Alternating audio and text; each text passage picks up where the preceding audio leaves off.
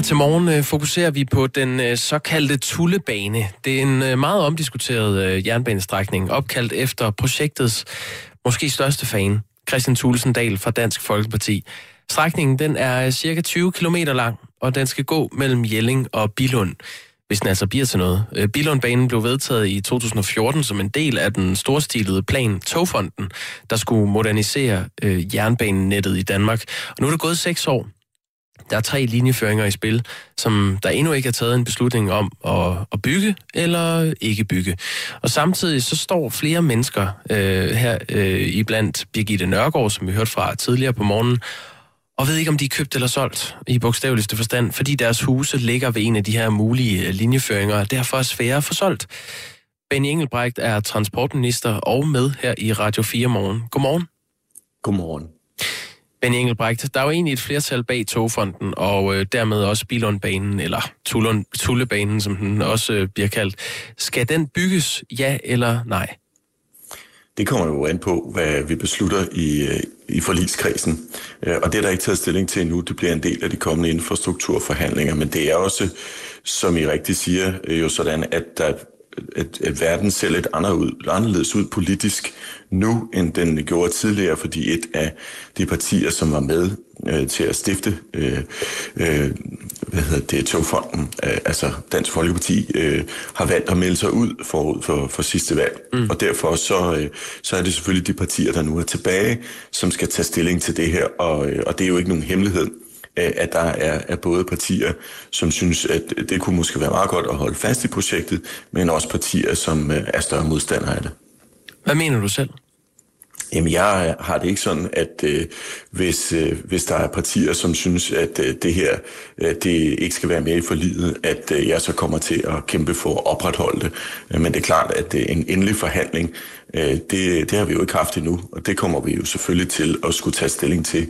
Øh, og det var ikke så længe, som, som det har ventet, øh, øh, før vi, vi kommer til at tage stilling til det. Mm. Øh, og det er selvfølgelig også noget, som jeg er, er meget opmærksom på, at det uanset om, om projektet gennemføres eller ikke gennemføres. Øh, ja, altså hvis man vælger at gennemføre det, skal der også træffes beslutning om linjeføring, og det betyder jo, at der er to linjeføringer, der i givet fald jo så ikke vil komme i spil. Som andre ord har vi også et behov for at få en afklaring i forhold til de mennesker, der står i en usikkerhed, som jeg til fulde kan sætte mig ind i. Det er jo nemlig det. Den her uvidshed om, øh, om Togfondens projekter, som Bilundbanen er, er et af, har jo stået på i seks år. Og mens I øh, politikere øh, nøler med den her beslutning, så er det jo boligejerne i de her muligt berørte områder, der betaler prisen. Det store spørgsmål er jo for dem, om det er i deres baghave, eller måske endda øh, deres, øh, gennem deres stue, at der skal bygges en, en jernbane. Øh, ben Engelbrecht, vi har besøgt øh, Begitte Nørgaard og hendes mand på landet i øh, den lille by i Sydjylland, der hedder Vester Smidstrup. Der er en af de øh, husejere, som risikerer at få en øh, jernbane 60 meter fra deres stuehus. Øh, landejendommen er vurderet til 4,3 millioner kroner, men øh, den risikerer at være så godt som usælgelig, hvis Billundbanen bliver opført der. Linjeføringen kommer nemlig til at afskære 80 procent af markerne fra, fra huset. Prøv at lytte med her, øh, Benny Engelbrecht. Øh, det er mit barndomshjem, men vi flyttede ikke herud, fordi der skulle være en jernbane. Vi flyttede ud, fordi vi gerne ville have fred og ro. Og vi havde sådan tænkt os, at vi skulle have det solgt, når vi blev sådan 60 år, fordi det kræver alligevel noget at skulle holde en ejendom. Og så vil vi væk herfra inden, at, øh, at det bliver for hårdt. Og øh, det bliver sådan, så, så nu kan man ikke sælge det nok. Så øh, og det er jo træls. Det er da ikke rart at have noget, der er usælgeligt, som man regnede med, at man kunne få solgt. I begyndelsen der tænkte vi, at det kan simpelthen ikke passe, at der er nogen, der vil bygge en bane herude. Så det er vel en 3-4 år, vi har gået og, og undret os. Øh, kommer den, eller kommer den ikke? Så man bliver sådan holdt hen i det uvisse hele tiden. Føler I lidt stavnsbundne her? Ja, det gør vi. Det er ikke godt for nogen. Så der skal en afgørelse til, og en udmelding, så man ved, hvad man har at gøre med. De tørster efter en øh, afgørelse, Benny Engelbrecht. Der er gået seks år. Øhm, Birgitte Nørgaard er frustreret over politikerne og føler sig stavnsbunden. Kan du forstå det? Ja, det kan jeg godt. Øh, jeg stod faktisk selv i den situation i, i begyndelsen af nullerne, længe før jeg kom ind i politik. Øh, det endte så med, at mit hus blev eksproprieret til et motorvejsprojekt, så det kan jeg fuldstændig sætte mig ind i, hvordan den følelse er, altså den magtesløshed, man, man også oplever. Derfor så har jeg også tænkt mig at bestræbe mig på, at der snart kommer en afgørelse på det her, uanset om banen så ellers bliver til noget eller ikke bliver til noget, fordi som sagt, øh, hvis, hvis banen bliver til noget, skal der også træffes en beslutning om, hvilken linjeføring skal så i givet fald bruges. Øh, det, som, som jeg mindst kan, kan sige, som måske er til trøst, det er, at, at skulle det besluttes, øh, at, øh, at, banen, at banen bliver gennemført, hvilket jo ikke er sikkert, men skulle det besluttes, så det system, der er i forhold til ekspropriationer, øh, den uafhængige kommissarius, den, det er altså et system, som, øh, som også virkelig tager højde for de situationer, livssituationer, som folk er i. Øh, herunder også muligheden for at kunne lave forhåndsekspropriationer. Men det kan jo altså også godt være, at det falder ud til den anden side, altså at projektet ikke gennemføres. Birgitte Nørgaard og hendes mand er langt fra de eneste, der kommer i klemme i det her. Der er øh, de her tre mulige linjeføringer på de 20 km mellem Jelling og, og Bilund, og ifølge Bane Danmark, så vil der i alt inden for en afstand på 100 meter fra banen være øh, 25 boliger. Vi har talt med en øh, forsker, Frederik Våge, hedder han, som er professor i øh, forvaltningsret ved Syddansk Universitet, og han mener, at øh, den her forsinkelse af togfonden sætter boligejere i et urimeligt limbo. Problemet er naturligvis, at man øh, ikke, ikke ved, om man er købt eller solgt, og man ved ikke, om man kan øh, sælge sin ejendom, fordi at øh, det er en så usikker fremtid, der er for, for det område, man er i. Er det usædvanligt, at det trækker ud på den måde? Hvis det trækker ud i, i, i seks år, det er øh, meget lang tid, og, og det er heller ikke øh, tilfredsstillende selvfølgelig, at øh, det skal tages så lang tid. Det er selvfølgelig langt fra godt. Der er ikke nogen tvivl om, at det vil have vidtrækkende konsekvenser for boligejere, øh, hvis øh, man er på et stykke jord, som er i overhængende fare for at blive eksproprieret. Så længe den her linjeføring ikke er blevet valgt, så skal der nogle særlige omstændigheder til, før boligejere kan få lov til at få deres ejendom øh, eksproprieret af, staten. Og det vil altså sige, at man, man tvangssælger jord eller, eller fast ejendom til staten mod erstatning. Øhm, for eksempel så skal linjen gå direkte gennem ejendommen, og man skal have akut brug for at komme af med huset øh, på grund af sygdom eller skilsmisse eller lignende. Og der er derfor mange, der ikke kan stille noget op, før det er blevet besluttet, hvor skinnerne skal gå. Øh, nu nævnte du før det her med, med forhånds øh, ekspropriation, Benny Engelbrecht, og Birgitte Nørgaard og hendes mand har fået afslag på det. Øh, så de er altså nogle af dem, der er i øh, venteposition lige nu. Hvad skal de borgere gøre, som, som ikke kan få solgt deres ejendom, fordi de venter på, at I beslutter jer her på, på 6. år? Jamen, at det, det er en meget usædvanlig situation, øh, sådan rent politisk, det er jo ikke nogen hemmelighed. Altså, det var jo sådan, at der var et relativt bredt flertal omkring øh, togfonden, øh, som også omfattede Dansk Folkeparti. De valgte jo så at træde ud, øh, og nu er der så et noget smallere flertal omkring det. Og det er klart, det er en situation, som ikke er normal i dansk politik. Normalt er det jo sådan, at hvis man indgår et forlig, øh, så bliver man ligesom også i forliget for at øh, øge, øh, øve sin indflydelse. Øh, jeg skal ikke øh, motivforske i, hvorfor Dansk Folkeparti valgte, valgte at melde sig ud.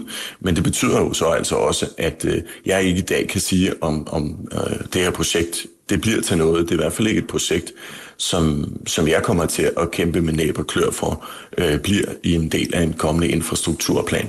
Men det er klart, det kan jeg jo ikke bestemme alene, al den stund, at der er øh, flere forligspartier, altså ud over øh, regeringen Socialdemokratiet, så, så er det også radikale, SF og enhedslisten. Nu, nu er vi lidt tilbage ved noget, jeg spurgte dig om indledningsvis, øh, Benny Engelbrecht. Altså, mener du, at den her Bilundbane er en god idé? Altså hvis man kigger på det med de rent samfundsøkonomiske briller, så er det jo ikke nogen hemmelighed, at, at det her ikke er et projekt, som samfundsøkonomisk øh, bidrager øh, noget væsentligt. Det er faktisk ikke rentabelt. Nej, øh, men, men det er jo heller ikke sådan, at der ikke også findes andre projekter, der er foreslået gennem tiden, som, som, som heller ikke er rentabelt. Altså tager man eksempelvis øh, nogle af de linjeføringer, der ligger, øh, som, øh, som er VVM undersøgt på øh, en ny midtjysk motorvej, øh, så er de jo bestemt heller ikke rentable. Øh, men det er der jo, det er der jo partier, øh, som, som også kæmper ind for at gennemføre sig. Så det er jo ikke sådan, at der ikke findes eksempler på projekter, som, øh, som kunne blive gennemført, som ikke nødvendigvis er samfundsmæssigt rentable, men, men det er i hvert fald ikke et projekt, som, øh, som, som jeg som minister øh, eller som denne regering kommer til at kæmpe med næbeklør for at blive gennemført. Øh, men det bliver jo selvfølgelig et spørgsmål om, hvad, øh, hvad partierne, som er en del af forliget, som vi mm. har tænkt os at respektere, hvad de mener. Men, men synes du, det er en god idé? Altså samfundsøkonomisk er det ikke nogen, øh, er det ikke nogen fremragende øh, ting, det må man sige. Men det er også klart, at, at øh, skulle man beslutte sig for, at øh, det her ikke bliver til noget, jamen så må man selvfølgelig overveje, er der så nogle andre projekter, øh, som, øh, som man skal skele til i stedet for. Det vil være noget af det, som, som bliver en, en del af en kommende øh, diskussion. Og så er det også klart, at skulle forligskredsen ende med at beslutte sig for, at, øh, at man vil gennemføre planen, ja. ja, så skal man i hvert fald træffe beslutninger om, hvad er det så for linjeføring, øh, man vil vælge, fordi det nytter ikke noget, at vi har linjeføringer, som, øh, som ligger, om så må sige, og, øh, og, og, og, og kun er der som, som sådan nogle, de vil være rare at have. Altså man er nødt til at og så også spide til bolle. Jeg, jeg synes, øh, det lyder som om, du ikke synes, det er en god idé er det ikke et projekt, som, som jeg har tænkt mig at kæmpe med et klør for. Det, det er nok det tætteste, jeg kommer på det. Okay. Benny Engelbrecht, øh, det, det giver jo så også en endnu større usikkerhed, kan man sige, når du ikke rigtig kan svare ja og nej. Du siger, det kommer til at handle om forhandlinger. Altså den 8. juni 2019, kun fire dage efter øh, folketingsvalget, der spørger TV Syd dig, hvornår øh, der er nyt om Bilundsbanen. Og her svarer du, at de i citat afventer de regeringsforhandlinger, der foregår nu, før vi kan sige øh, noget konkret om det. Et par uger efter den 22. juli 2019, der spørger Berlingske dig om det samme, og her er svaret, at du vil citat indkalde til forhandlinger om den danske infrastruktur efter sommerferien. Citat slut. Og på den anden side af sommerferien, den 25. oktober 2019, der spørger Jyske Vestkysten der så igen, hvornår der skal bygges en jernbane til Billund, og så har tidshorisonten igen rykket sig i dit svar. Status er, at øh, der siger du citat, status er, som den hele tiden har været, at spørgsmålet om Billundsbanen fortsat er uafklaret. Det er noget, der skal drøftes i fremtiden.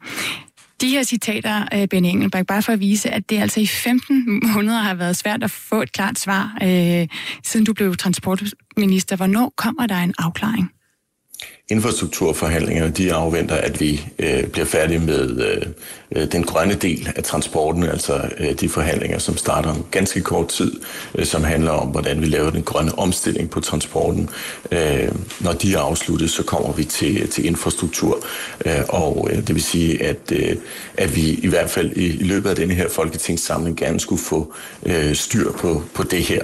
Øh, om det så betyder, at Billungbanen gennemføres eller ikke banen gennemføres, det kan jeg ikke sige nu, fordi vi har et forlig. Øh, det forlig, øh, der er der fire partier ud over regeringspartiet, så er der jo altså SF, Enhedslisten og, og det radikale. Og det er jo ikke nogen hemmelighed, øh, at der er et parti, som, øh, som synes, man skal beholde Bilundbanen, og et parti, der synes, man ikke skal, og et parti, der sådan mere sådan måske har lagt der en, en mere åben linje på det. og derfor så kan jeg ikke i dag sige, vi skal jo respektere de forlig, der ligger.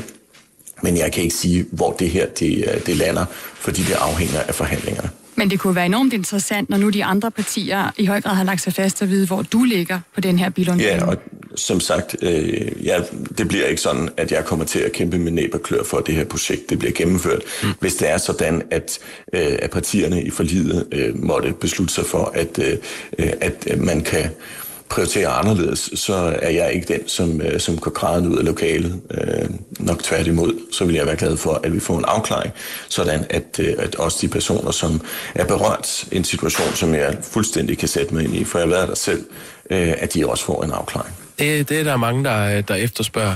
Altså, alle undersøgelser og rapporter på det her lå færdige øh, i 2018. Hvad, hvad er det, I, I venter på for at kunne træffe den beslutning?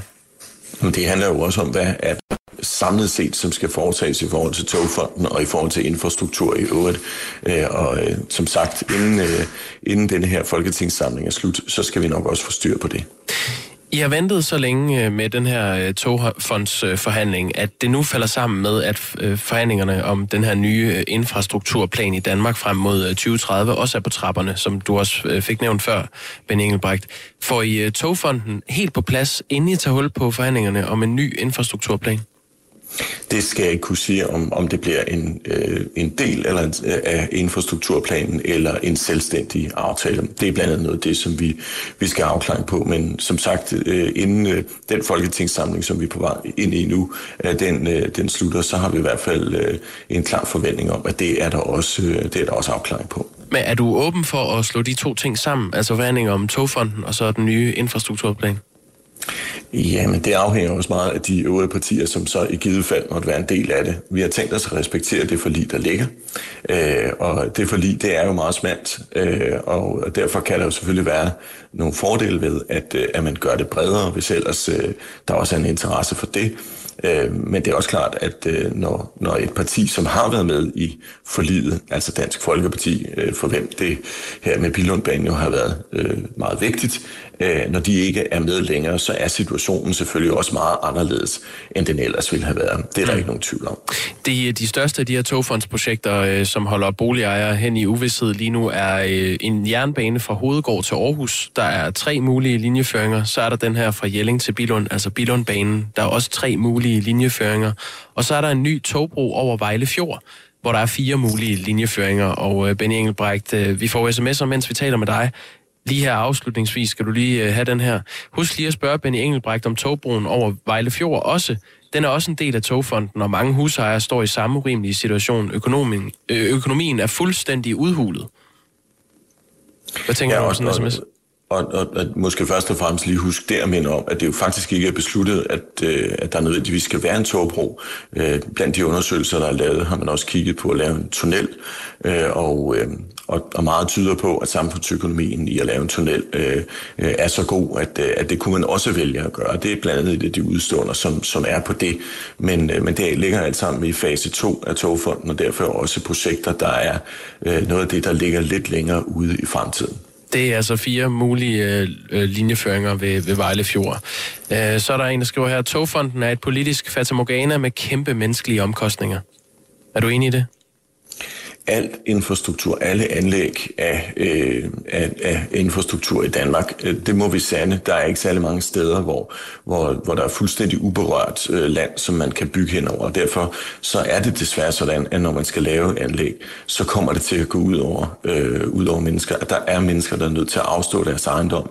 Det er en, øh, en situation, som er svær, og som vi skal afveje. Jeg har selv prøvet at stå i den, så, så jeg forstår det udmærket godt. Og det er ikke nogen øh, altså jeres, jeres, jeres, øh, en af de interviewer, I var ude at tale med, siger, at det er træls og det tror jeg er, er det, man kalder en decideret jysk underdrivelse. Jeg forstår udmærket godt, at det ikke er nogen sjov situation. Og derfor så bestræber jeg mig også altid på, i det omfang det er muligt, øh, at, øh, at sørge for, at vi indsnæver feltet af linjeføringer øh, mest muligt. Og det er selvfølgelig også noget af det, vi så må kigge på. Ja. Øh, og det gælder så i øvrigt også, at, at vi nok også skal passe på ikke at lave for mange linjeføringer og bringe dem i spil. Øh, et eksempel på det er øh, en ny motorvej, eller det som nogen kalder for øh, for en hervejsmotorvej, hvor der er øh, altså en myriade af forskellige linjeføringer af spil, som er VVM undersøgt, og som har bragt altså langt flere mennesker i øh, en, en position, hvor de ikke ved, hvor de skal hen, øh, end, end Bilundbanen eksempelvis har gjort. Og, og, og det, det og er os, noget, som ikke er hensigtsmæssigt. Det lad, er jeg helt med på. Lad os lige øh, runde af ved Bilundbanen. Øh, hvorfor kalder ministeren ikke bare partierne ind og aftaler for Bilundbanen ud af togfonden hurtigst muligt, uden at rode det sammen med alt muligt andet, skriver Martin?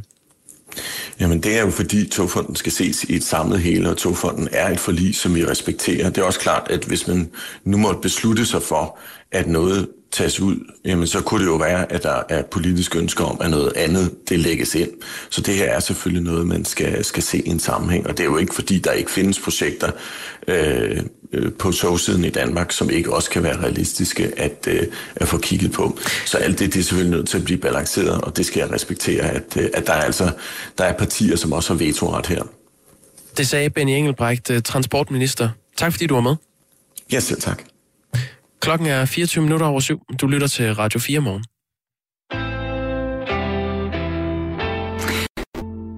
Kasper, der er mange sms'er på Kasper? med... Nej, undskyld.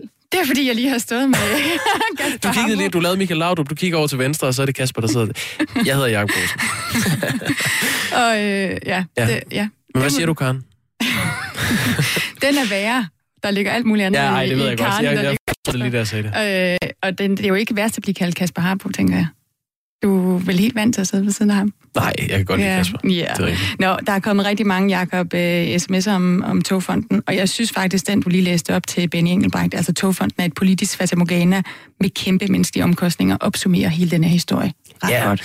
og nu sagde Benny Engelbrecht, det der med, at han havde hørt, at øh, nogen sagde, at det var træls, og det synes han var en jysk underdrivelse. Man siger så også, øh, at ting kan være træls øh, på Nordøstfyn i Hensholm, ved at gå ud fra. Der bor Jens Bernburg, og han har skrevet vanvittigt at høre om Tullebanen, og hvilket økonomisk underskud man kan forvente, den medfører. Jeg bor på Hensholm på Nordøstfyn, hvor vi, og ikke mindst vores unge mennesker, der går på skole i Nyborg og Odense, slås med total ringe busforbindelser. Sidste bus herud kører ved 16-tiden på hverdage, og ingen drift i weekenden. Måske vi skal ønske os en tullebane til jul, kære byråd. Ja, man skal passe på med ønsker. Øh, det kan tage seks år, før at, øh, eller mere, før de, øh, før de bliver til noget. Ja. Jakob, vi skal lige nå noget andet end nyhederne, fordi der kom jo en anden øh, nyhed i går, øh, blandt andet her i Aarhus, om øh, coronaen. Lad, prøv lige at høre her. Den her gang, der kommer det til at kræve noget særligt af ikke mindst vores unge mennesker. For det mønster, vi ser nu, viser, at det er der, smitten har mest fat. Sådan sagde borgmester i Aarhus, Jakob Bondsgaard, i går på et ekstraordinært coronapressemøde, fordi smitten er igen steget i Danmarks anden største by, og de unge mellem 20 og 30, de står for halvdelen af smittetilfældene. Og derfor så opfordrer borgmesteren altså de unge til, citat, yde en ekstraordinær indsats, citat slut, i kampen for at dæmpe smitten. Og det er noget, som øh, borgmesteren på pressemødet i går erkendte godt kan blive svært at overbevise de unge om. Og jeg ved godt, at det er næsten urimeligt, en urimelig fordring at henstille til unge mennesker, at man nu skal begrænse den sociale aktivitet. Og når man nu som 25-årig føler sig fuldstændig usårlig, og hver eneste weekend og den næste fest virker som den sidste og eneste fest, man nogensinde kommer til, ja, så er det altså svært at vise det her samfundssind. Det er vi helt og derfor så sendte vi vores reporter Anders Vore op på Aarhus Universitet for at spørge de unge, om de igen er klar til at udvise samfundssind og, samfundssind og droppe festen. Og efternavn? Tørholm. Nu øh, var Bundsgaard jo ude og sige noget her kl. 10 i morges. Ja. Og han siger jo faktisk parafraseret, at de unge skal tage sig sammen. Det tænker jeg også. Det, det skal man vel. Nu siger du, at det skal man vel. Gør du det selv? Ja, det synes jeg. Absolut. Hvornår var du sidst til fest? Ja. Og du skal svare helt ærligt. Ja, det er lang tid siden. Jeg tror ikke, jeg har været siden covid. Det, det startede faktisk. Siden marts måned? Ja. ja. måske, måske en gang i april, tror jeg. Til en 25 fødselsdag. Nå, men der er jo så i hvert fald nogen, der holder det. Der har jo været de her piratfester, og det er jo klart, hvis barnet lukker kl. 10, så er der nogen, der holder privatfester. Hvad tænker du som det? Det, det bør man ikke gøre, synes jeg ikke. At, øh, jeg synes, at man skal respektere det, som der bliver der bliver vedtaget, altså, at man skal holde... Altså, man skal lære med at tage til fest nu, synes jeg. Gør nogle af dine venner det? Tager du til fester nogensinde, Jacob? Tager du sådan til fester? Ja, til fester? Ja, har du, hvornår har du sidst været til fest? Jeg var til fest i... Hvad fanden lavede vi fredag? Jo, det var sgu det. Jeg var ude. Eller ikke fest, jeg ved ikke, om man kan kalde det en fest. Men det var ude, og du ved, sammen med nogle, nogle, nogle venner lige og raffle lidt og, og drikke nogle, nogle top. Bundsgaard ude og sige, at øh, de unge skal gøre en en ekstraordinær indsats. Skal du til fest igen på fredag? Nej, det skal jeg ikke. Det tænker jeg ikke. Jeg skal tilbage i zonen. Hvornår røg du ud af zonen? Ah, jo, ja, du tænker i forhold... Jeg var faktisk lige der i starten. Der var, der, der var jeg meget sådan... Der var jeg aldrig helt ude. Men så i løbet af, i løbet af sommeren, da det begyndte at gå bedre, med at tallene begyndte at falde, og restriktionerne begyndte at blive hævet, så, øh, så begyndte jeg at ses lidt mere med, med mine venner og sådan noget igen. Øh, egentlig ikke sådan i byen, men, øh, Altså det har ikke været sådan nogle fester, fester, mere sådan ud at drikke nogle øl og sidde sammen ude og sådan noget. Okay. Så, så, så er det så nu her, hvor jeg, det begynder at vende igen, så er det måske meget fornuftigt at, at tænke, tænke sig lidt mere om. Og så vil jeg bare lige høre, nu står Frederik derovre. Han siger, at han ikke har været til en fest siden april. Kan du bekræfte det? Den, den køber jeg ikke. Den køber jeg godt nok ikke. Hej. Jeg er journalist på Radio 4. Ja. Hvor gammel er du? Jeg er 24. Føler du et ansvar for den her coronasmitte, man ser? Ja, jeg føler da et vis ansvar. Jeg vil egentlig også gerne lige øh, høre, hvornår du sidst har været til en fest. Jeg var til en lille privat fest øh, for to år siden, sidste fredag. Altså ikke den her fredag, men sidste fredag. Altså, men det var, hvor mange var vi? Otte mennesker, så det er jo ikke nogen sådan stor fest. Ja, kunne, kunne, man holde, altså, kunne man holde afstand der? Hvad, hvad gjorde I der? Jamen, øh, Nej, altså der, vi gik ikke op i afstand. Det var vores reporter, Anders Vore, der havde talt med de studerende Frederik Tørholm, Jakob Simonsen og her til sidst Cecilie Schmidt, uh, Schmidt, som du lige hørte i reportagen om, at det godt kan være lidt svært at holde afstand og vise samfundssind, uh, når man er ung. Nu er der nyheder.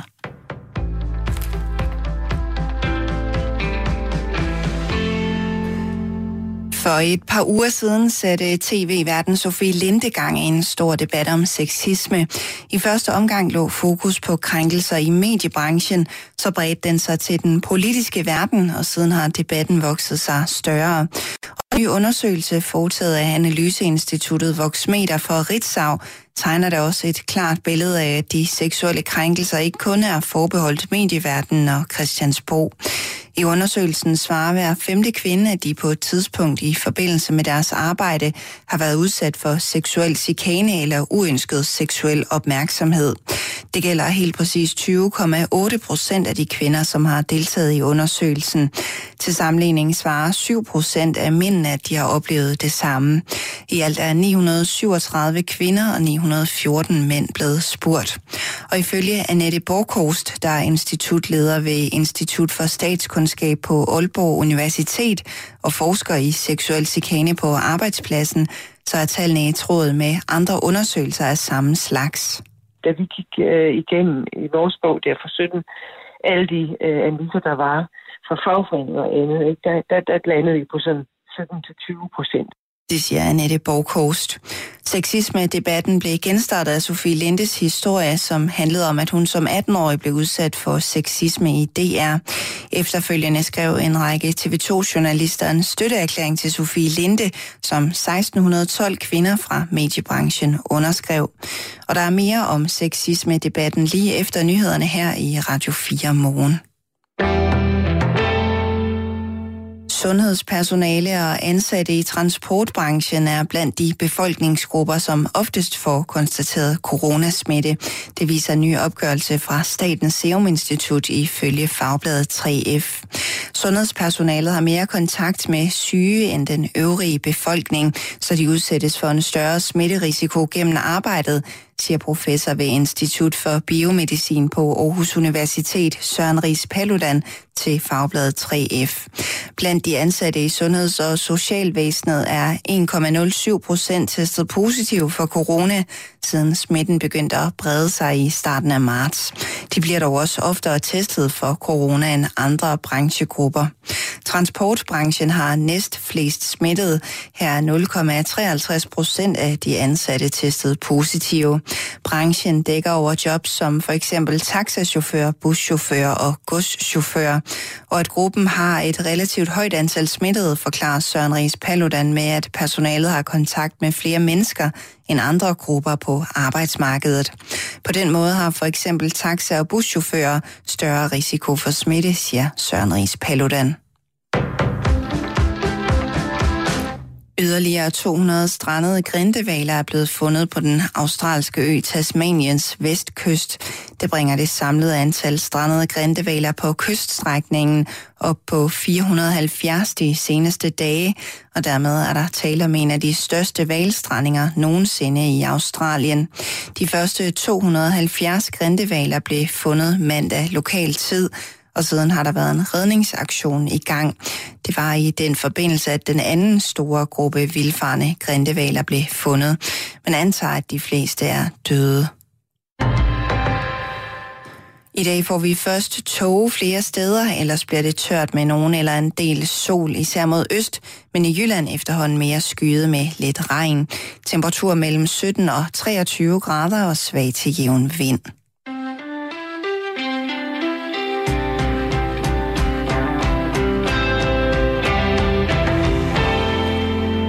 Ærligt talt, jeg synes, der det er ved at gå helt over gevind med al den MeToo og sexisme-snak. Man skal finde sig i for eksempel at blive berørt upassende, eller blive udsat for decideret overgreb. Ingen. Men lige nu er det som om alle mænd bliver udråbt som sexhungrende og krænkende monstre. Det er et citat fra Inger Støjbergs øh, Facebook. Det skrev hun søndag aften, og siden øh, der har 22 nuværende og forhåndværende medlemmer af Venstre kritiseret øh, den fungerende formand. En af dem er dig, Pia Allerslev. Godmorgen. Godmorgen.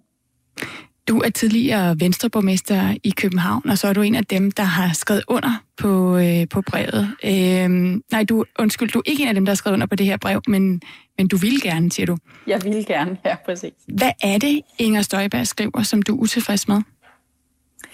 Jamen, jeg synes, hun øh, laver den klassiske fejl af at, at gå ind og sige, at øh, nu skal vi også lade være med at, øh, at, at være så, øh, øh så skingre, eller nu går det over gevind. Så hun er faktisk med til at, øh, at sætte de kvinder, som, som har taget mod til sig, tror jeg, gennem mange år til at, øh, at stille sig op og sige fra. Øh, dem er hun med til at sætte i en bås. Og jeg ved udmærket godt, at hun prøver at skelne mellem øh, de øh, rigtige alvorlige krænkelser og så de der hverdags øh, tøhø øh, krænkelser. Problemet er jo bare, at der er rigtig mange kvinder, som oplever de der mindre episoder øh, i deres hverdag. Øh, jeg har ikke oplevet det på egen krop, men jeg har oplevet rigtig, rigtig mange kvinder blive udsat for det, også i politiske kredse gennem mange, mange år. Øh, når man træder ind i et rum som kvinde, og der sidder øh, fem mænd rundt om et bord og siger, at det var da rart, vi fik noget kønt at kigge på. Øh, det er ikke et kompliment. Det kan godt være, at mændene synes, det er et kompliment, men det der, det er jo at sige, når nu kommer der noget pænt at kigge på, ikke nu kommer der en ligeværdig forhandlingspartner, som vi skal sidde øh, og, øh, og, og diskutere og forhandle med de næste to timer. Øh, og det er de ting, som, som jeg synes, hun gør fejl i og, øh, og, og, og negligere. Øh, fordi hvis man først accepterer, at det der øh, øh, øh, hverdags øh, øh, tøhø, øh, sexisme får prøv, lov prøv lige at forklare mig, hvad, undskyld, prøv lige at forklare mig, hvad en tøhø-krænkelse er. Jamen, det er jo den der, hvor mændene sidder og klapper hinanden lidt på skulderen og siger, ja, det her. Og hvis man så som kvinde øh, siger, ej, prøv at høre, det synes jeg fandme er upassende, det du siger her. Øh, Øh, så siger jeg, ah, rolig nu, kan du ikke engang tage en spøj, eller kan du ikke engang øh, tage et kompliment, eller jeg mente jo bare, øh, hvor, hvor vi øh, kvinder jo har øh, måttet finde os i meget. Øh, jeg har gudskelov, at folk, der kender mig, de ved, at jeg er meget, meget øh, lidt sart, og meget, meget lidt, øh, føler mig meget, meget, meget sjældent krænket. Øh, men det er måske også, fordi jeg altid har været i en position, hvor, hvor jeg har kunnet sige fra. Øh, jeg har aldrig været yngste fuldmægtig, og jeg har heller ikke været i en position, hvor, hvor jeg har haft en chef. Jeg var, jeg var bange for at ville blive sur eller fornærmet, hvis jeg sagde fra. Øh, så jeg har altid sagt fra. Jeg har altid været meget meget tydelig i mit sprog, men jeg ved bare, at mange kvinder ikke er i den position. Og der synes jeg, det er ærgerligt, at Inger Støjberg og mange andre, øh, som bakker hende op, kan jeg jo se, øh, går ud og siger, at det der, det går over gevind, hvis vi siger fra som kvinder over for komplimenter. Fordi komplimenter er ikke altid komplimenter. Øh, jeg øh, læste øh, noget meget klogt, øh, en en kvinde havde skrevet, at øh, hvis man var i tvivl om, hvad, hvad det var, man skulle lade være med, så kunne man øh, give sig selv dattertesten. Øh, og dattertesten går i virkeligheden bare ud på, ville jeg have lyst til, at en anden mand sagde det her til min datter? Øh, og hvis man som mand lige spørger sig selv om det, øh, så, så tror jeg faktisk, man, man vil nå meget, meget langt. Øh, vi behøver ikke at snakke om, at mænd ikke øh, må give komplimenter. Jeg elsker at få komplimenter, men de skal gives øh, i den rigtige kontekst. De skal gives på det rigtige tidspunkt. Og, øh, og Pia, der tror jeg, at den her undskyld. den vil gøre noget. ja, øh, men lad os lige vende tilbage, fordi den dattertest, den, det er jo ikke den, som øh, Inger Støjberg omtaler. Hvis vi lige vender tilbage til hendes opslag, som, som, som du så også øh, er, er utilfreds med. Hvor er det i hendes opslag, at du mener, at hun hun sætter kvinder i bås? Jamen det gør hun i lige præcis det øjeblik, hvor hun skriver, at nu er den her debat gået over gevind. Øh, fordi der er hun med til at sige, at nogle af de kvinder, der har sagt fra, fordi nogle andre, mere modige kvinder har stillet sig op i nogle vanskeligere og, og voldsommere sager, at de pludselig har fået mod til også at sige fra, også at sige, ej, jeg vil faktisk heller ikke, altså gider du ikke at lade være med at øh, altid at skulle kommentere, øh, at du synes, min røv ser pæn ud i den øh, kjole, eller at, øh, at øh, min, øh, min bluse, den er, den, den er mega pæn, øh, på en måde, som gør, at jeg, at jeg føler, at, at det ikke er rart, at det ikke er, er min bluse, du giver et kompliment, men at det måske er nærmere mine bryster, uden du siger det direkte. Det tror jeg faktisk, der er mange kvinder, der har fået mod til, ved at modige, andre modige kvinder, som Sofie Linde har stillet sig op.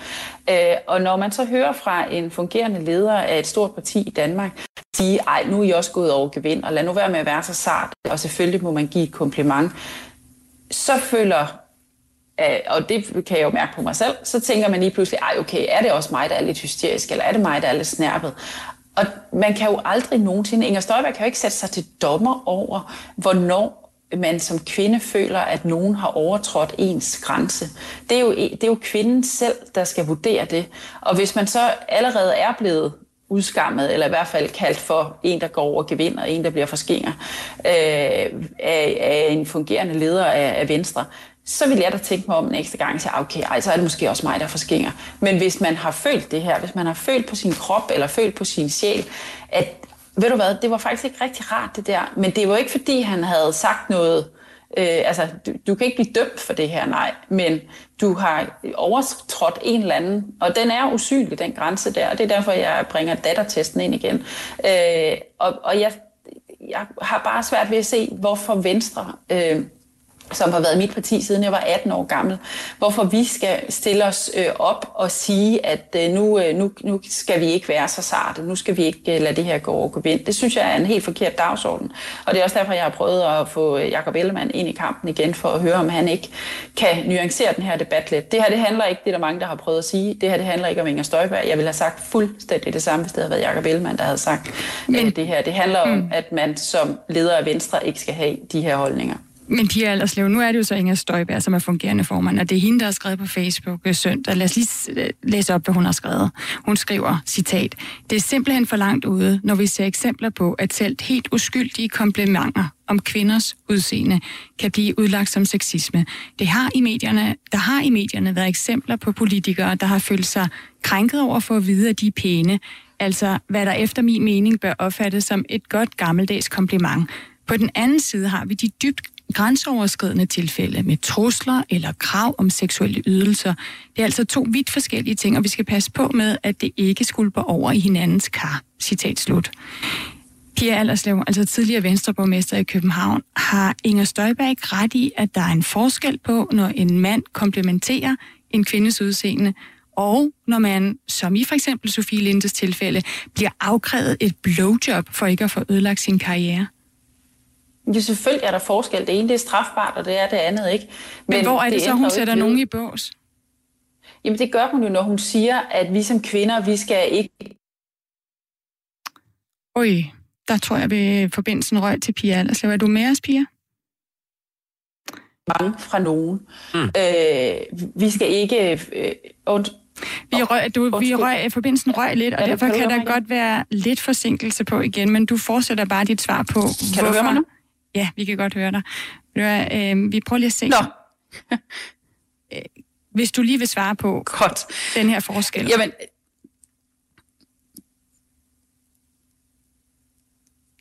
ja. Jamen, der er jo en forskel. Det ene er strafbart, og det er det andet ikke. Men det ændrer jo ikke ved, at hvis man som kvinde træder ind i et rum, hvor der sidder 5-6 mand, man skal til at, øh, at lave politiske forhandlinger med, og det første, de siger, det er, at det var da rart, der, var noget, der kom noget godt, vi kunne kigge på så har man jo ikke gjort noget, der var strafbart. Men man har til gengæld, synes jeg, øh, sagt til den her kvinde, godt, du er faktisk ikke andet end øh, noget pænt at kigge på. Vi vurderer ikke, at du er en ligeværdig forhandlingspartner, men det er da dejligt, du, du er pæn, og så kan vi bruge det til noget godt. Øh, og det er det, jeg mener, at Inger Støjberg, hun går fejl af at sige, at det ikke, øh, det er det, hun siger er et kompliment, øh, at man kan træde ind i et rum og få at vide, at man ser pæn ud det er ikke nødvendigvis et kompliment, og Inger Støjberg kan ikke gøre sig til dommer over, hvordan det føles for andre kvinder i den situation. Jeg aner ikke, om Inger Støjberg hun har prøvet det her eller ej, men jeg har hørt det, jeg har set det mange gange, at kvinder er trådt ind i et rum og blevet øh, gjort til ikke andet end noget, der er pænt at kigge på, i stedet for at blive betragtet som ligeværdige forhandlingspartnere. Og det synes jeg ikke er i orden, og der synes jeg, at mændene burde tænke sig om, og det burde Inger Støjberg og andre også, fordi man kan ikke man kan simpelthen ikke sætte sig i andre kvinders sko. Og i det øjeblik, man begynder at sige, at kvinder, der siger fra, eller kvinder, der står frem med de her eksempler, øh, bliver for, for hysteriske, eller går over gevind, øh, eller at tingene ikke kan sammenlignes, så, så, så gør man sig jo pludselig til dommer over andre kvinders opfattelse. Det er jo en meget, meget subjektiv betragtning, hvornår man synes, nogen går for langt eller ej. Og, og det synes jeg ikke, at det er Inger Støjberg eller andre, der skal vurdere det. Det må være den enkelte kvinde, men det vi som kvinder og mænd kan gøre for hinanden, det er der at opfordre folk til at sige fra og ture sige fra. Og det kan vi altså først i det øjeblik, hvor det bliver anerkendt, at selv sådan noget hverdags, som jeg kaldte det før, tøhø, øh, øh, mande, øh, sexisme, øh, at det er at, at det ikke bare bliver accepteret som et, et rart lille kompliment. Jeg elsker for komplimenter, men de skal gives på det rigtige tidspunkt i en rigtig kontekst. Det sagde Pia Allerslev, altså tidligere venstreborgmester i øh, København. Tak, tak for at give dit øh, besøg med i den her debat, som jo altså nu også raser, kan man sige, internt i Venstre, øh, fordi Inger Støjberg har, har skrevet på sin Facebook, at hun synes, at man ligesom skal skille de her ting ad. En ting er øh, komplimenter, en anden ting kan være lidt mere alvorlige overgreb. Øhm, og så er der øh, en masse øh, venstrefolk, blandt andet Pia Allerslev, som, som øh, synes, at det simpelthen er ikke at tage debat debatten alvorligt. Og vi har godt nok også fået mange øh, reaktioner øh, på sms'en, Jakob. Det er helt vildt. Jeg sidder og scroller igennem noget, øh, noget sjovt overordnet, øh, jeg kan sige om det. Det er, at det er øh, kun mænd, der synes, at øh, Pia Allerslev tager fejl. Nå, øh, Lars Madsen skriver, så ringer I igen til en smagsdommer. Bravo, bravo. Ahmed skriver, øh, respekt til Inger, hilsen Ahmed. Hun er mere end ret. Knus og kram Ahmed. Ja, der er også en, der skriver det her med, at øh, øh, synes, at vi bare med det samme skal stoppe med at komplementere kvinder. Så kan de også spare penge på make-up og selfie-stænger. Øhm, godt man var ung, før madammerne gik amok. Go Støjberg. Øh, sø, ja. Ja. Øh, Åh, oh, man bliver så træt, skriver Flemming Nordbo. Og kvinder undrer sig over, at de har problemer med at komme ind på lederstillinger domineret af mænd. Tommy Ligård siger, netop vurder selv, uagtet hvad Støjberg siger, og brug fornuften. Hvorfor snære den anden vej? Det er Tommy Ligård. Snære, det er vel et ord, man ikke rigtig bruger om mænd. øh, ja, med hende, Pia fatter ikke, at debatten går ud over alle mænd. Øh, pæn at kigge på. Øh, dø, dø, dø. Hvordan er det, Pia Allerslev føler, hun kan vurdere baggrunden for mænds kommentarer? Man kan vel godt være pæn at kigge på og ligeværdig, eller Hold da op, det, hver gang man går i gang med at læse en sms, så, så, så ryger den, den ned. Skal mænd lige... også stå til ansvar for dit selvværd? Ja, lad mig lige læse den her for Dan. Det er selvfølgelig nemt som mand, der ikke føler sig som en del af problemet i sexisme-debatten, at sige, at man synes, at debatten er overdrevet. Øh, jeg vil ikke øh, betegne den som skinger. Men som kvinde, som eksempelvis Inger Støjberg, så har hun vel per definition en faktuel stemme i debatten. Og ligesom Pia Allerslev eller andre synes... Øh, at øh, synes, at Inger Støjberg sætter nogle kvinder i bås, så sætter Pia Allerslev vel også øh, kvinder, som har en anden oplevelse, som Inger Støjberg i bås, bare en anden bås. Er det bedre? Det er en øh, debat om mange forskellige ord, mange forskellige opfattelser, og mange, der bliver sat i bås, som er blevet rejst her. Øh, men det er i hvert fald en debat, der kører videre. Vi kan vel godt sige, øh, Jacob, at vi simpelthen har en MeToo-bølge 2 i Danmark lige nu. Ja, vi vil gerne have haft Inger Støjberg med, skal vi lige sige her til morgen, men øh, det kunne hun desværre ikke.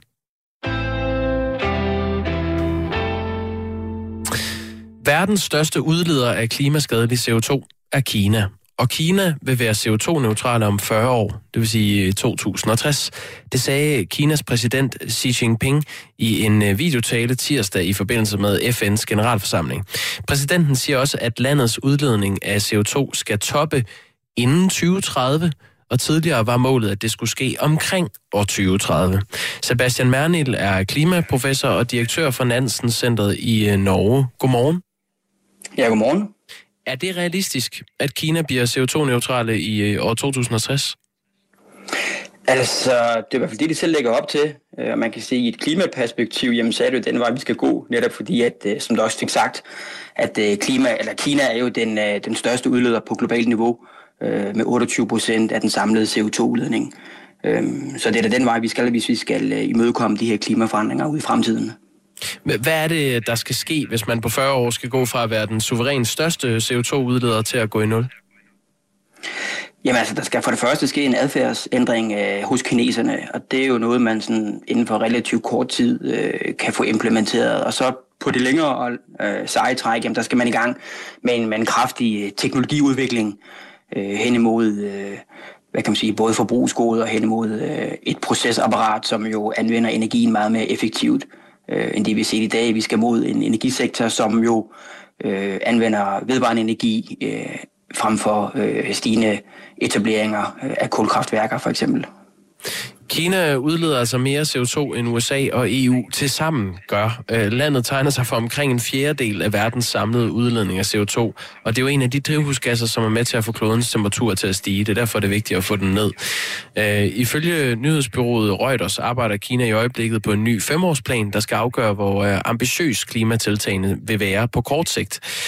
Samtidig med, at Xi Jinping sagde, at Kina vil stoppe med at udlede CO2, opfordrede han øh, alle lande til at jagte en grøn genopretning af verdensøkonomien, som man sagde her efter coronakrisen. Øh, hvilken indflydelse kan den udmelding få på resten af verdens forurening, tror du, Sebastian Mernil? Jamen, jeg tror, at øh, jeg håber på, at øh, den her udmelding, den kan danne præcedens for øh, det, vi ser, eller det vi forhåbentlig vil se øh, globalt set. Øh, EU har sat øh, et mål omkring minimum 55% reduktion øh, mod 2030. Øh, amerikanerne, de øh, har jo gjort så meget, kan man sige, med den nuværende præsident. Øh, så man kan håbe på, at, øh, at det her signal øh, fra Kina, det kan være med til at, at hæve baren betydeligt, fordi altså, det vi skal, det er, at vi skal have reduceret markant mere, end, end det vi har set til datoer. Øh, bare lige for at putte noget historik øh, ind i samtalen her. Jamen der ved vi, at øh, 2019 er jo det år, hvor vi globalt set har udledt øh, allermest øh, CO2 til atmosfæren, og det er jo en tendens, Øh, vi har set over de seneste mange årtier, at vi år for år øh, i gennemsnit har udledt øh, mere og mere CO2. Og det vil sige, at hvis vi skal have vendt den her udvikling, og vi skal imødegå, øh, måske i bedste fald, 1,5 grader, øh, som Paris-aftalen ligger op til, og i værste fald i 2,0 grader i forhold til det før industrielle niveau, jamen altså, så skal vi i gang med de her reduktioner. Øh, men vi skal også i gang med at trække CO2 ud af atmosfæren, fordi en højere koncentration øh, er alt andet lige øh, hovedårsagen til de klimaforandringer, vi ser, men også dem, vi forventeligt vil se ud i fremtiden. Og så er der også lige den ting, det er, at øh, med alt det CO2, vi udleder til atmosfæren, jamen der ved vi, at øh, det har en ekstrem lang levetid i atmosfæren. 50 øh, procent bliver det op i 70-90 år, 20 procent bliver det op i øh, 700-900 år. Så man kan sige, det med, at kineserne melder ud som øh, den største aktør med hensyn til de globale udledninger af CO2, jamen det er et vigtigt signal at give, øh, og jeg håber, det kan danne præcedens for, øh, for andre store udledere, øh, f.eks. USA, øh, EU, øh, Indien, Rusland og Japan. Sebastian Mernil, jeg stiller dig lige et par spørgsmål, der kommer ind på sms'en, og så må du gerne svare sådan øh, fyldesgørende, men kort på dem. Mm. Øhm, Silas skriver, Kina... Øh, øj, der kommer mange sms'er, det er dejligt. Kina kan som regel nå deres mål, men det, det lyder meget ambitiøst. Kan de nå det uden at gå stærkt ind i atomkraft? Altså, det er et godt spørgsmål, som jeg egentlig ikke kan svare på, fordi øh, det vil jo kræve, at man har fingrene nede i maskinrummet og ved, hvilken øh, politisk strategi øh, de vil ligge, og hvordan de vil implementere tingene. Øh, jeg har et, øh, udover at jeg sidder som chef på Nansen-centret her i Bergen, så har jeg også et, øh, et forskningscenter i Beijing. Og jeg kan jo se over tid, jamen der har kineserne gået meget intenst ind imod øh, grøn omstilling, øh, en bedre forståelse af klimasystemet og den vej. Men øh, om de lige præcis skal tage i kraft med ind i billedet, det, det, er ikke, det er ikke den rette til at svare på. Øh, Jens skriver, hvis man vil gøre noget godt for klimaet, så lad være med at købe billigt skrammel fra Wish, AliExpress osv. Det klinger hul, hvis man er klimakæmper, og samtidig har kinesiske lyskæder hængende og billigt mobilcover lavet af kinesisk plastik. Er du enig i det, Sebastian Manuel? Altså jeg mener, at vi bør selvfølgelig tænke og overveje, hvilket øh, forbrugsfodaftryk øh, vi sætter. Øh, naturligvis også, øh, hvor det er, vi køber vores ting hen, fordi vi ser også, at at øh, produkter bliver fragtet A til B, altså på tværs af kloden.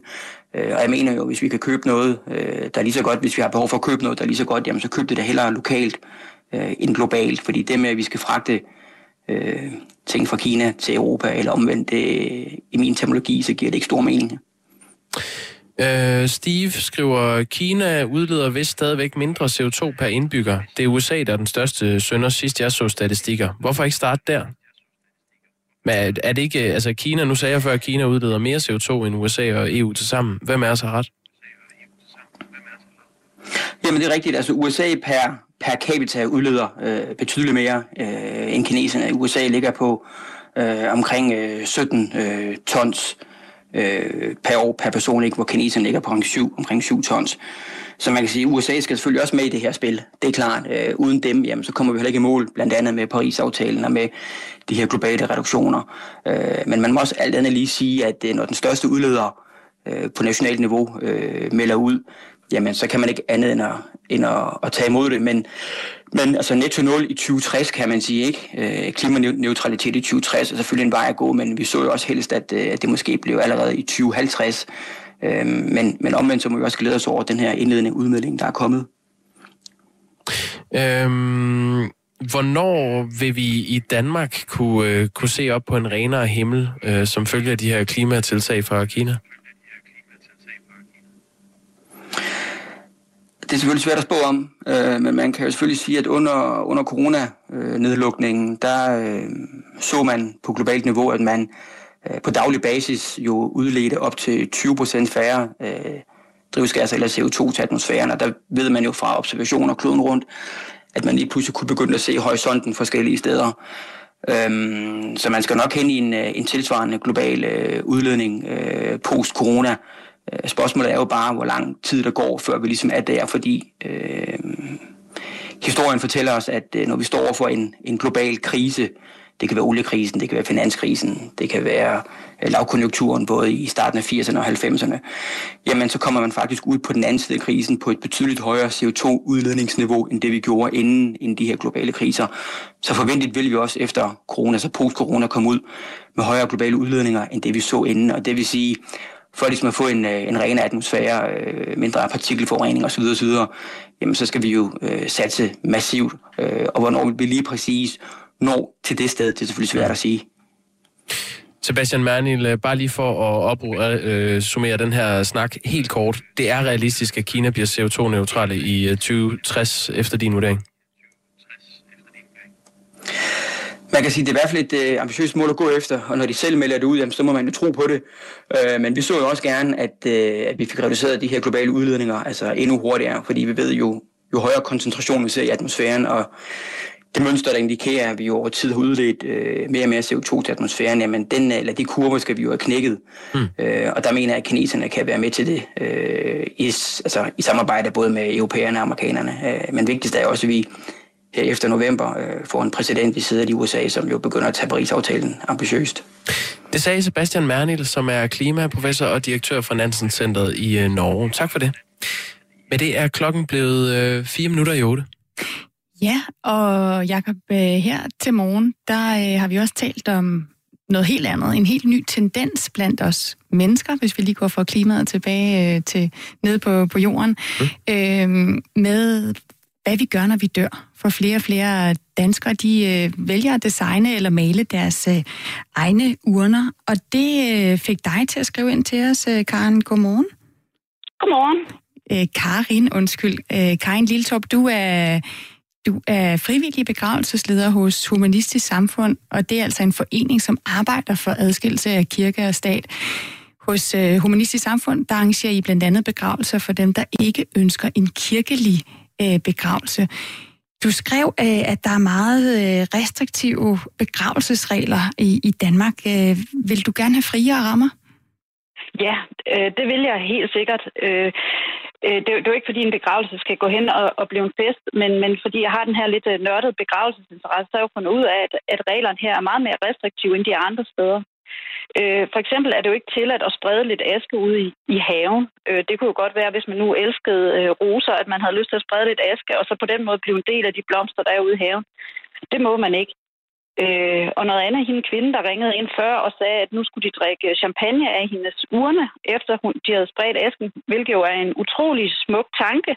Men i virkeligheden, så ved jeg ikke, om hun er klar over, at der var krav om, at urnen den skal begraves sammen med asken. Også hvis man for eksempel begraver på, på havet, så skal man smide urnen ned, og derfor er der krav om, at urnen skal være fremstillet af nogle helt bestemte stoffer, som netop gør den nedbrydelig. Så, så man må ikke have lov at tage asken og bare smide den ud, selvom man også kunne argumentere for, at det er jo det er jo bare med aske. Mm. Hvad, hvad, vil du, hvad vil du selv gerne have, øh, at du kunne gøre med dit læme? Øh, har du tænkt øh, over jeg, det? Jeg vil, jeg vil synes, det var super, hvis jeg kunne få lov til at få min aske spredt ud nogle steder, jeg selv holder af. Altså, jeg vil netop synes, tanken var smuk om, at øh, stikkelsbærbusken ude i blomsten, den indeholdt lidt af mig, og at min familie kunne tænke på det, når de så den øh, vokse op. Og jeg kunne forestille mig, at min aske skulle spredes ud forskellige af de steder, som jeg har holdt meget af at være.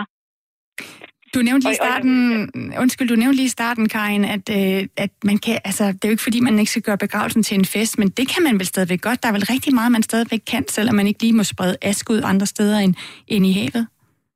Jo, men der er rigtig mange ting, man gerne må ved en begravelse, og jeg tror bare, at altså, når folk de mister en, så er de jo selvfølgelig også i sorg. Så, så, så jeg tror bare, at alle de begravelser, jeg har været medvirket til, de er lidt klassiske, at det er en kiste, det er i et kapel, øh, folk bliver brændt, og så bliver de begravet på kirkegården. Man må i virkeligheden i forbindelse med selve ceremonien, der må man jo øh, stort set øh, hvad som helst. Øh, og det gør man jo også andre steder i verden, men, men der er vi jo nok bundet op på traditioner, og det er måske ikke lige der, man, man, man er frisk på at lave sådan et nyt koncept, men, men man kan sige, at i forbindelse med ceremonien er der virkelig en meget brede rammer for, hvad man, hvad man må. Det er i forbindelse med omgang med den døde, så at sige, at det bliver meget restriktivt. Øh, jeg vil lige nævne nemlig, at i Tyskland, der er der jo en del, der får lavet smykker ud af deres afdøde. Altså man kan presse asken meget hårdt, og så kan man få sådan rigtig flotte smykker ud af det.